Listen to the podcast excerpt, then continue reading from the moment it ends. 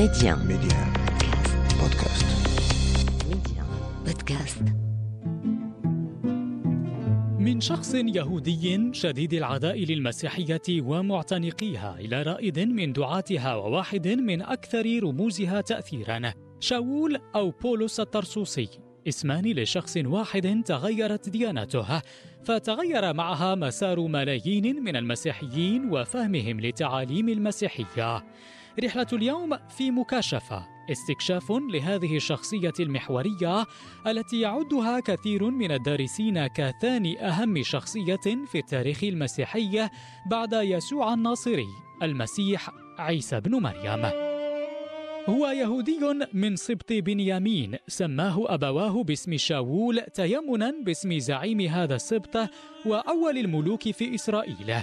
ولد في طرسوس في ولاية كيليكيا بجنوب تركيا والتي كانت تابعة للإمبراطورية الرومانية آنذاك في سنة ما بين السنة الخامسة والسنة العاشرة للميلاد. يستشف من الكتابات التاريخية أن عائلته كانت غنية من الأشراف أو على الأقل لم تكن من الطبقات الدنيا للمجتمع.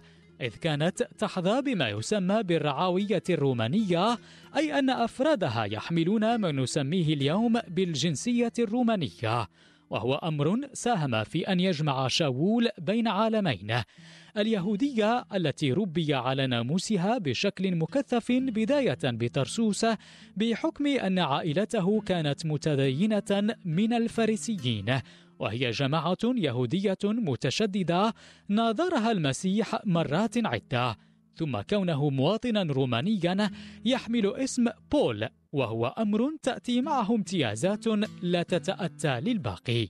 روافد كثيرة ساهمت إذن في تكوين شخصية بولس يوضحها يوسف بن المهدي الأستاذ الباحث في العقائد والأديان والحوار الديني والحضاري بجامعة قطر. عندما نتحدث عن شخصية بولس والروافد التي شكلت شخصيته الفكرية والثقافية وحتى الاجتماعية قبل أن يتحول إلى مبشر بالمسيحية الأممية نتحدث عن شخص اسمه العبراني هو شاول الطرسوسي. شاول الطرسوسي هذا كان يعيش في ولاية كيليكيا وهي إحدى المناطق التابعة للإمبراطورية الرومانية في منطقة تركيا حاليا. بها قضى طفولته تعلم ثقافته اليهودية الفريسية في أسرته وفي المدارس اليهودية. لكنه كواحد من أبناء الأعيان كان كثير الحركة والتنقل وتعرف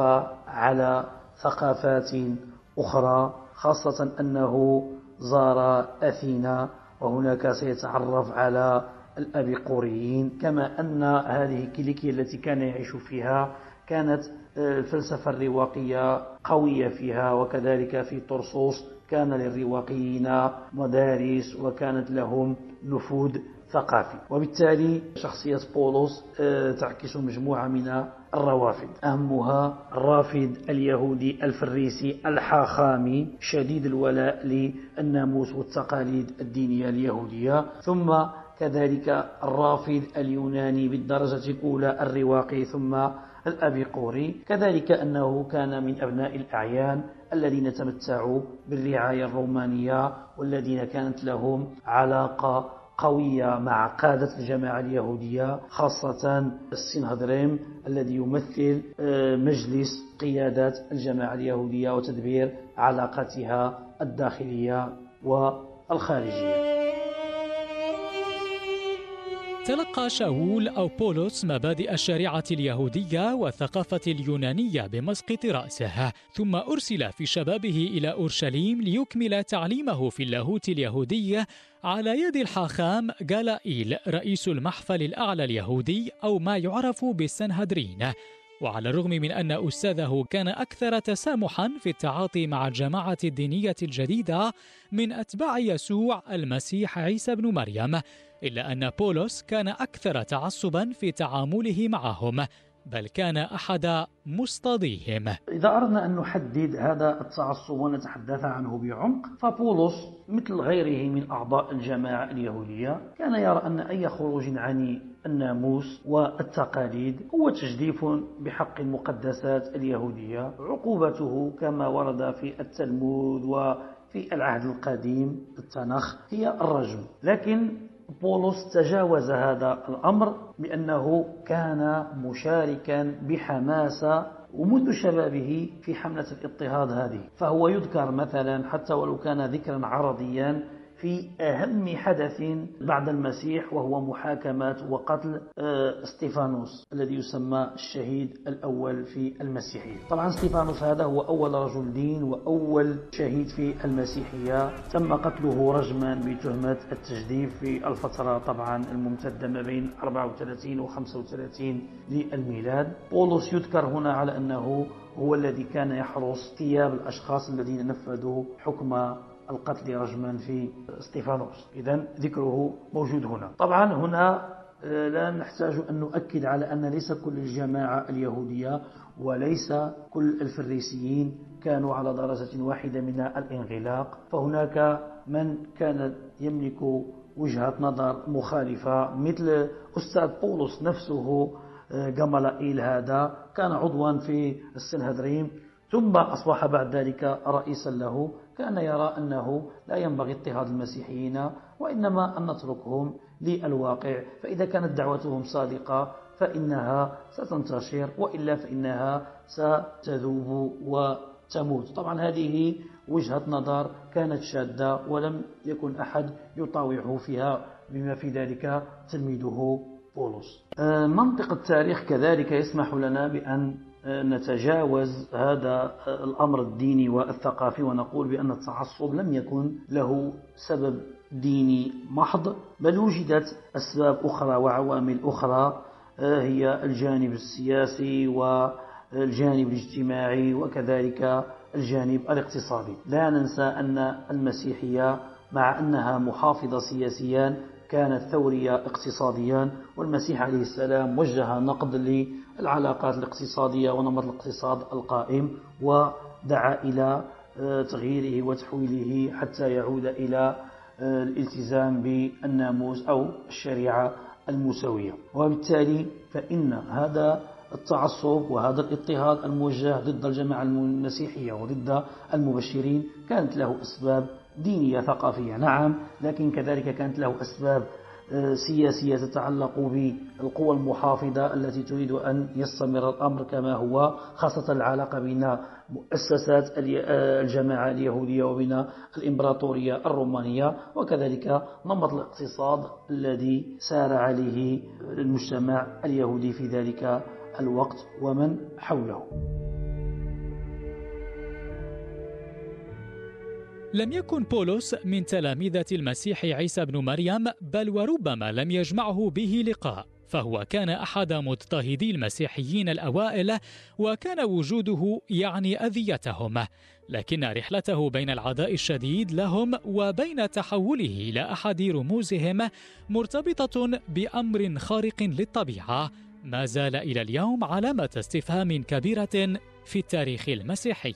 يحدثنا آه، سفر أعمال الرسل وهو السفر الذي رصد جانبا كبيرا من قصة بولس أنه كان يعمل في أورشليم وخارجها على مطاردات المبشرين. يعني كان صائدا للمبشرين يضغط عليهم من أجل أن يعودوا أو يرجعوا عن المسيحية. وإلا تواجههم العقوبات الصارمة من قبل الرومان والمحاكم اليهودية. لكنها فجأة تتحول بنا إلى أنه صار مسيحيا. هنا لنا وقفة. طبعا ليس آه، مع هذا الحدث فقط لكن مع الأحداث الكبرى في تاريخ المسيحية. مشكلة الرواية المسيحية أنها تقدم لنا شيئا تاريخيا نسير معه. نستطيع أن نتلمس خيوطه في كتب التاريخ في إلى غير ذلك. في منطق الأحداث لكنها تقف بنا أمام فجوات تاريخية وتفسرها لنا بالمعجزات والخوارق. وهذا الأمر واقع في بولس. فبولس هو شخصية لها رافد ديني يهودي قوي رافد فلسفي قوي صاحب وجاهة اجتماعية صاحب مكانة عدو للمسيحية وأتباعها وأفكارها لكنه مباشرة تحدث له معجزة وهو في رحلة الصيد للمبشرين يتم اصطياده كما تقول المسيحية. باختصار شديد وربما مخل كان شاول مع جماعته متوجها إلى دمشق في رحلة البحث عن أتباع المسيح. فجأة سطع من السماء ضوء قوي أو شعاع قوي يفوق ضياء الشمس. خرج منه صوت هذا الصوت يقول شاول شاول لماذا تضطهدني؟ سيقول شاول بعد ذلك من أنت يا رب؟ فيجاب أنا يسوع.